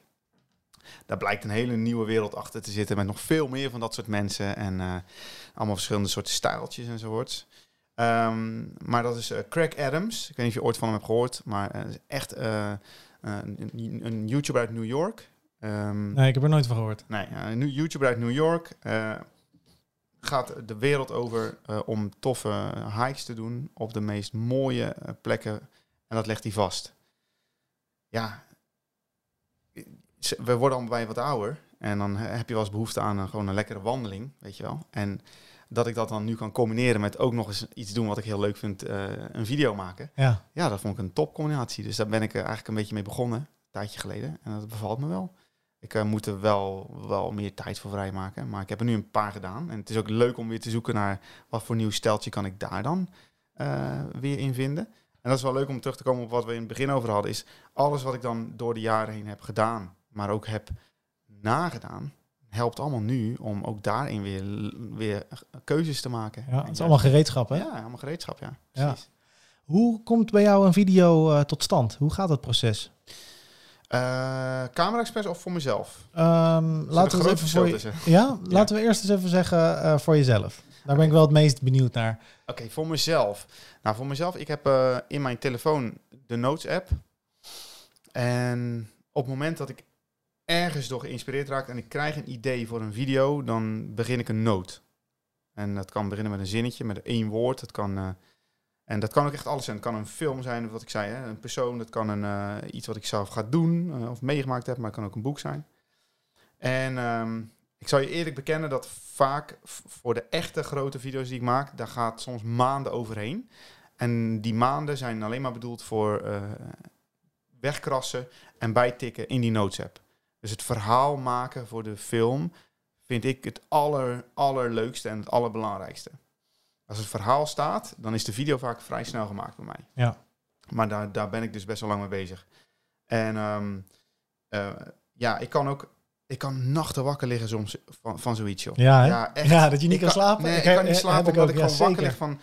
Ik, ik, ik, ik weet ongeveer wat ik wil zeggen, maar ik kan de juiste woorden niet vinden. En dan kan ik soms dan lig ik tot drie uur wakker en dan heb ik Ja, het ineens. dan En loop je er langs op in je En dan hoofd. kan ik ineens slapen, joh. Ja, Het is echt bizar. Grappig, hè? Ja, een vloek en een zegen is dat. vloek en een zegen, ja. Ja, Nou ja, en daarna dan, als het dan staat, dan ga ik gewoon aan de slag. Dus dan is het gewoon, eh, ik heb een camera. En ik heb een, een drone. Nou, en eigenlijk de, met die twee dingen doe ik het meestal. En ik heb dan de hele tijd heb ik een eh, klein studiootje in mijn huis eh, gehad met een tafel eh, waarbij ik ook van bovenaf kon filmen, wat ik dan heel tof vond. En dat is dus een beetje de Casey Neistat invloed die ik dan, en ook dus Max Joseph onder andere, is dus het, de praktische effecten. Dus ik, ik deed heel veel met knippen, plakken, ehm, eh, stop motion, eh, van alles nog wat met die tafel. Dat Ja. was een beetje de basis van waaruit ik dan begon met werken. Nou ja, en die heb ik dan nu laatst weggedaan. Ja, Dus- en dat is ik juist- zag het, ja. is ook weer leuk om da daardoor daag ik mezelf weer uit om het, om het ook anders te doen weer. Ja. Dus, eh, En bijzonder ook, hè, dat, dat, je daar dan, dat je daar dan dus een video over maakt. Ja. Dat ik die video zie. ja. Dat wij elkaar nu voor het eerst in persoon spreken. Maar dat ik dus weet ho- hoe jouw huis nu, eh, zeg maar, voor dat gedeelte Ja. dan is ingericht. En dat jij dus die, die ruimte had, maar nu niet meer hebt. ja. En dat is echt een fascinerend iets. Ik, Maar eh, kijk, weet je wat het is Niels? Dat is ook het verhaal. Want het leuke is, kijk, elke video heeft een verhaal op zich. Maar wat ik zo kicken vind, is als je... Wat ik kicken vind om te doen bij mijn kanaal, is om mijn, mijn kanaal als verhaal ook kloppend te maken. Dus Ja. ik vind het leuk voor die, die 30 mensen die me dan echt van het begin af aan kennen. Waar jij dan waarschijnlijk één van bent. Om die video, die wil ik maken. Want dat is, maakt het verhaal rond. Dan is die tafel, die er altijd was... Mensen snappen nu ineens waarom die er niet meer is. ja, En dat is een, ook op zich een leuk verhaaltje om te vertellen. je? ja, ja, zeker weten, ja. En dat, vond, dat had Casey Neistat namelijk ook. Als je begint bij zijn eerste video en je, je stopt bij zijn laatste, dan is het niet alleen afzonderlijk zijn verhaal, maar het is één heel groot verhaal Ja, bij dat is elkaar. niet normaal. En dat, daar is hij dus ook echt wel de meester in. Ja. Ik heb het gevoel dat hij een soort van eh, vriend van mij is. Ik- dat ik hem ken. Ja, Ik weet welke struggles die, eh, waar hij tegenaan loopt, wat hij leuk vindt, waar hij goed in is, waar hij slecht in is, de, de, hoe, hoe zijn studio zich heeft geëvalueerd. Ja. Want hij had echt een paar personages, een soort terugkerende personages eh, in zijn video's, wat dan geen personages waren, maar, eh, maar ja, gewoon echt terugkerende fenomenen, waaronder Ja. dus de studio. Ja. En dan had hij weer een stuk muur of een bepaalde kast of een tafel die hij weer wilde. hè, En dan dacht je weer, en dan was dat nog niet af in de video, dus dan was je weer benieuwd naar de volgende video, hoe, zit, hoe zich dat dan weer ontwikkelt. En weet je wel? Ja. Het is echt, eh, echt fascinerend, man. En hij, ja, dat is wel echt, eh, daar is hij wel echt heel goed in. Maar je ziet dus dat het op, op microniveau voor ons ook bijna geldt. Dat mensen zich echt eh, ja, een soort van verbonden met je voelen. klopt. En dat vind ik wel leuk ook van zo'n podcast. Is dat je de manier waarop wij nu al een, een uurtje met elkaar aan het ouwe hoeren zijn, Ja. kom je tot een, eh, een bepaalde diepgang. ehm, die heel goed als supplement werkt voor video's.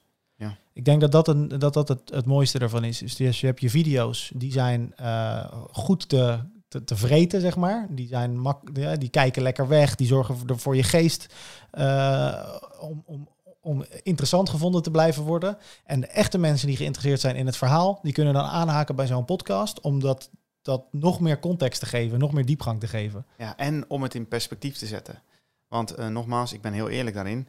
Ehm, mijn video's zijn highly edited. Oftewel, weet je, dan zit ik, eh, daar, daar, ik vind de edit het mooiste eh, deel bijna van, van het proces. Ja? Ja, dat vind ik geweldig. Want daarin begin ik, begin ik ineens te spelen Ja. met het verhaal wat ik had. En daar komt van alles en nog wat bij. En Ja. dat, is, dat is echt, dat vind ik dan geweldig. Alleen, het is highly edited. Dus, en dat is natuurlijk in deze tijd, we hadden het er net al over, een beetje gevaarlijk. Hè? Want eh, dat editen zorgt er ook voor dat, dat je een beeld neerzet van jezelf of van de werkelijkheid die niet helemaal klopt. Maar dat is ook entertainment. Dus Tuurlijk. dat mag ook. Ja. Alleen het probleem is dat ja, niet iedereen kan soms meer het onderscheid maken tussen wat is entertainment en wat is nog echt. Dus eh, zo cool als ik in mijn video's soms overkom, zo cool ben ik in het echt helemaal niet. En zo goed als ik een verhaal kan brengen in mijn video's, zo kan ik dat niet per se nu on the spot als ik hier zit. Maar dat, is, eh, dat vind ik dan zo tof aan zo'n podcast. Want dat, dat zie je bij je eigen inspiratiebron ook. Als je ze dus in zo'n long format video ziet, dan kom, komt er ineens de echte persoon bij die al het andere ook in perspectief zet. Ja.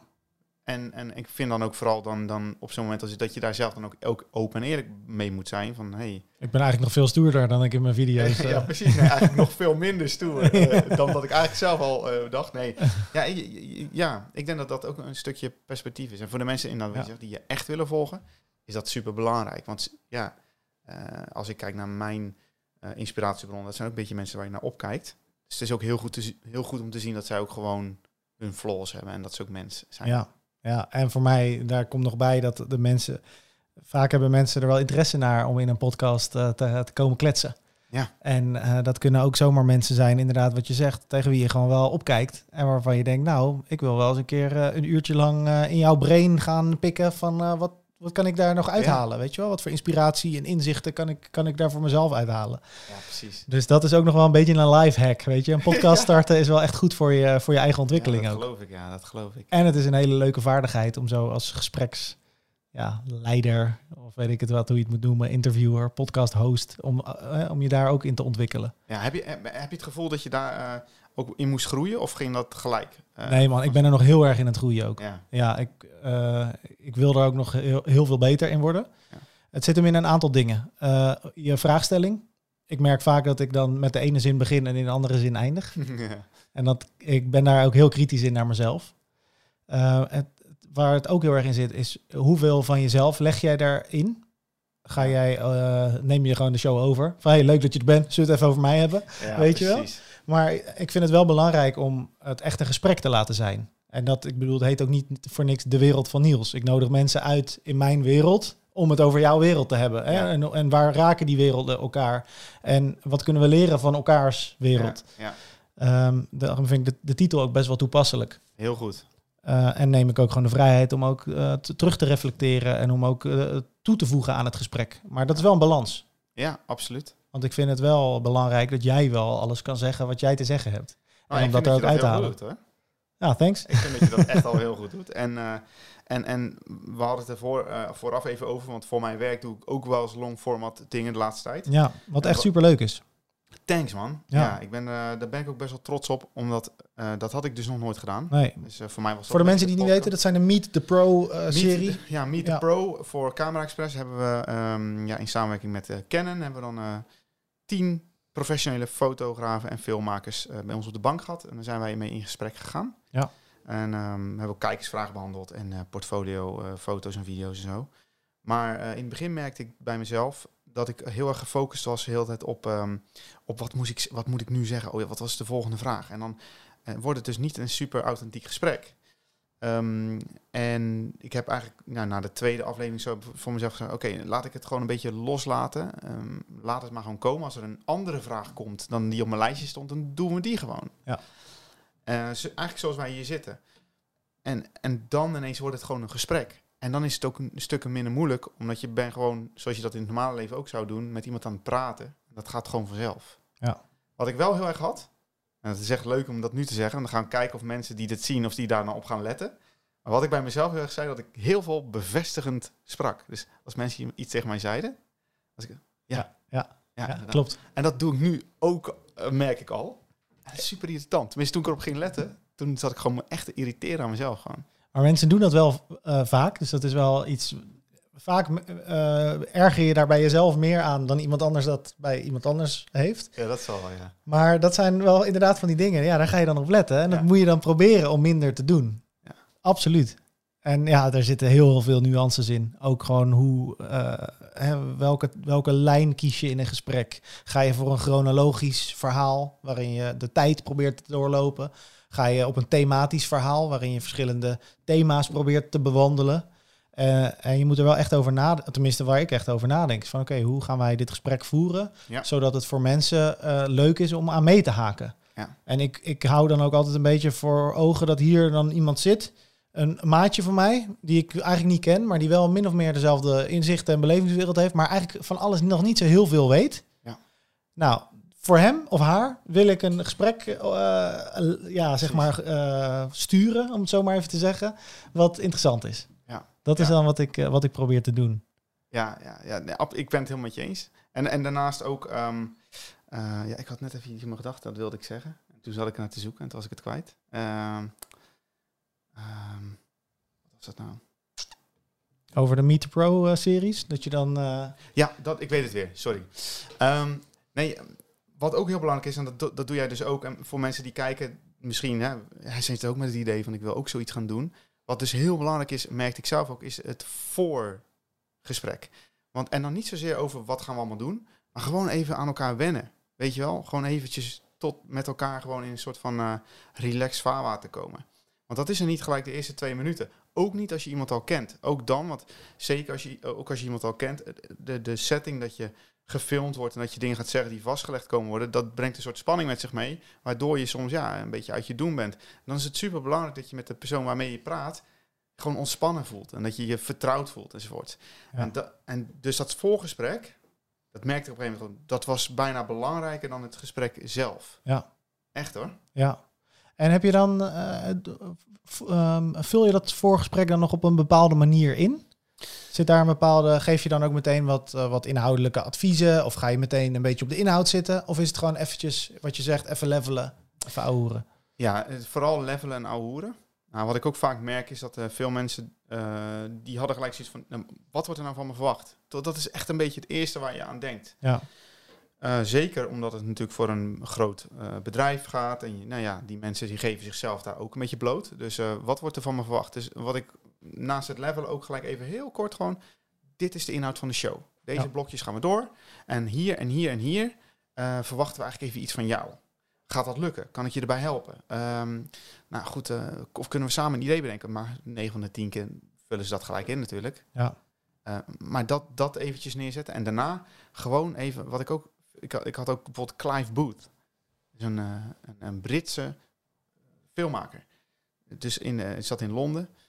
En wij hebben gewoon een, eerst een uur lang gewoon over allemaal... Nou ja, zoals wij dat ook kunnen. Gewoon over stomme kleine filmmaakdingetjes. Gewoon. Ja. En gelachen. En dat heb ik ook en jij ook. En dat is dan een, een, een gozer die, weet ik veel, wat prachtige dingen heeft gedaan al op professioneel gebied. Ja. Maar ik als gewoon, uh, nou ja, ik zie mezelf helemaal niet als een grote, bijzondere uh, filmmaker natuurlijk. Dus ik, zie, ik zit dan gewoon als een klein jongetje. Maar we kunnen over dezelfde dingen praten, weet je wel. En dat is gewoon, uh, dat, dat neemt al de spanning weg. Leuk hè? En je voelt, je, je zit er bijna een beetje als vrienden al bijna ja. tegenover elkaar. Krijg je daar ook de vrijheid in?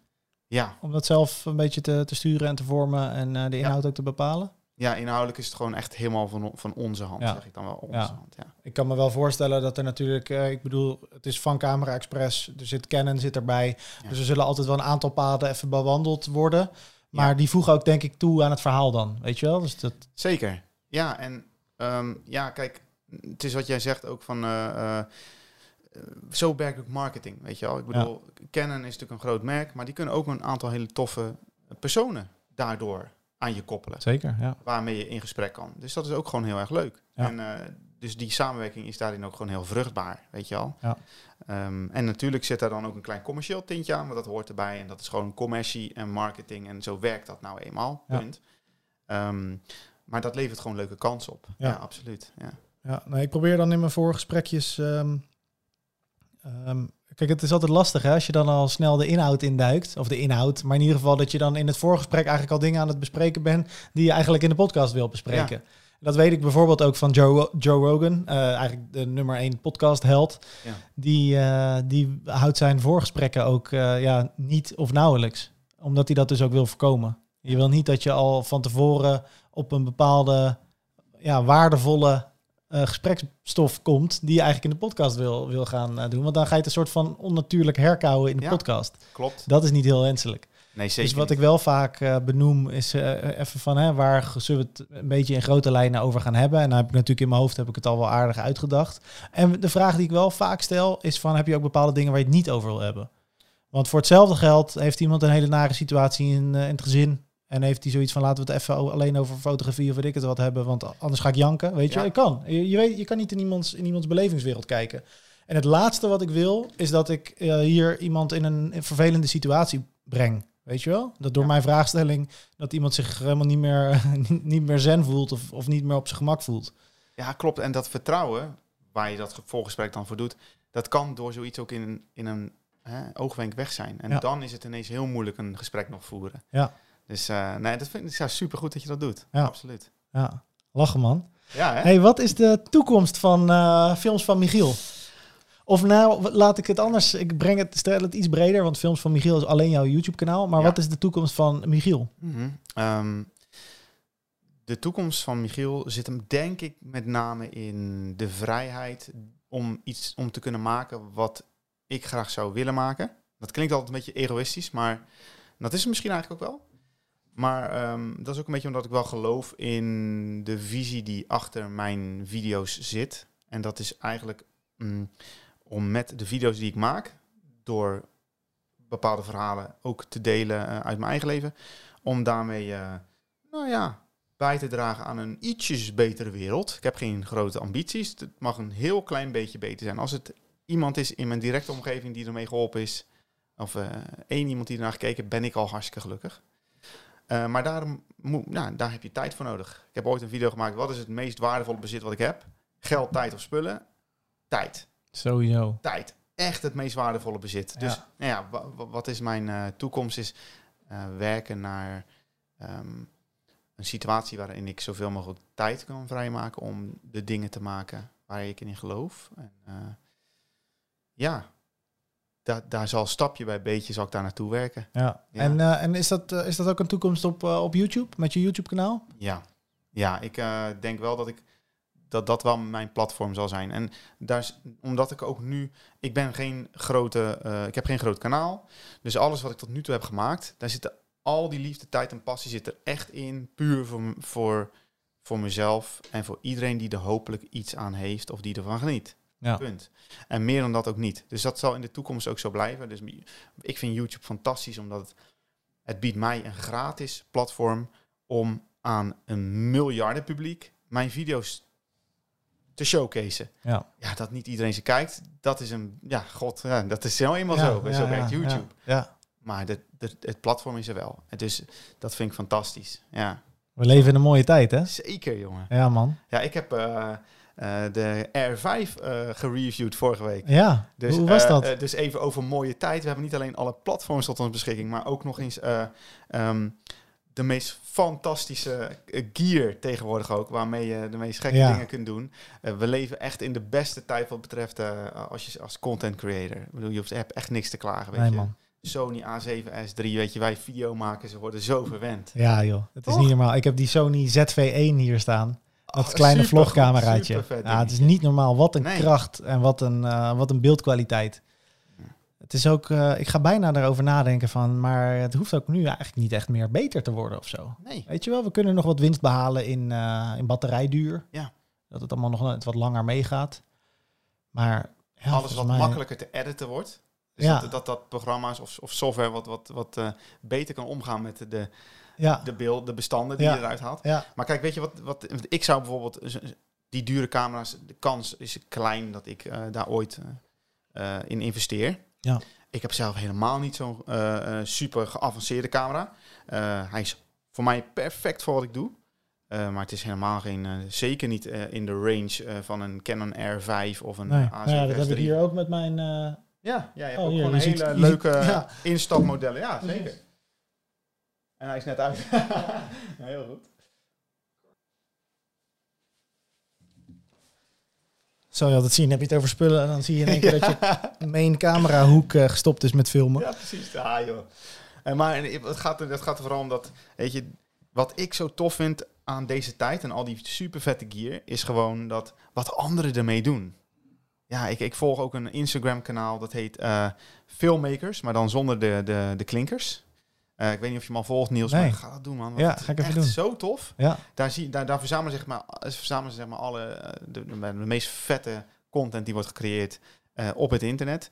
En dan om, daaronder hoe het gemaakt is. Oh, wat cool. met, Ja, met de ja, tijdlijn in de edit. Of weet ik veel, behind the scenes footage. en daar zitten zulke fantastische dingen bij. En die nieuwe apparatuur maakt dat... Ja, ik ben gewoon super excited van wat kunnen anderen daar dan mee doen. ja. Ja, ja, het is echt fascinerend. ja. En inderdaad, wat je zegt, dat je dus in een tijd leeft waarin het, eh, waarin het allemaal zo makkelijk voorhanden is. De kennis is gewoon letterlijk, je kan de vraag intypen en je krijgt een antwoord Ja. van eh, vadertje YouTube met eh, moedertje Ja. Google daarachter. En dat is echt, dat is echt mooi, man. ja je, bent je, kunt, je, je kunt je eigen studie volgen. Ja. Ja, toch? Je kan gewoon jezelf onderwijzen tegenwoordig. ja, maar dat zie je ook. Dat hebben wij allebei. We zijn allebei voor, voor het grootste gedeelte autodidact. Ja. Eh, sterker nog, allebei ook eh, in onze eigen vrije tijd vanuit passie hebben we deze skills eh, ontwikkeld. Nou moet ik er wel bij zeggen dat mijn vader fotograaf is. Dus op fotografiegebied heeft hij me wel een beetje gestuurd. Maar het is nooit dat ik heel erg bij hem in de leer ben gegaan of zo. Het is gewoon een beetje een, een invloed geweest, zeg maar. Ja. Ehm, Maar dat is toch mooi, hè? Dat je gewoon ziet hoe dat, hoe dat groeit en hoe zich dat ontwikkelt. En hoe, hoeveel mensen je ook tegenwoordig ziet met creativiteit en met beeld maken. En eh, ja, dat zijn mooie, mooie dingen, man. Ja, absoluut, ja. Ik wens jou eh, niks dan goeds in de toekomst, eh, Michiel. Ja, dat is eh, bij deze insgelijks. Maar dat wist je al, hè? Ja, ja, ja. Absoluut. Ja, en ik, eh, ja, ik vind het super vet dat we elkaar eh, nu voor het eerst fysiek hebben kunnen ontmoeten. Ja. En, eh, ja, ik zie dat zomaar eens eh, wel vaker gaan gebeuren. Ik eh, gok van wel, ja. Ja. Ik denk dat wij over een paar jaar hierop terugkijken en denken, ja, dat was toch een mooie podcast om mee te beginnen. Ja, ja, zeker. Ja, zeker. Nee, absoluut. We moeten sowieso eh, even een keer een dikke video samen maken. Lijkt me sowieso heel tof. Lijkt me heel leuk. Thanks, man. Thanks, man. En eh, tot de volgende podcast, denk ik zomaar. Tot de volgende podcast. Peace. Doen we zo. Yes.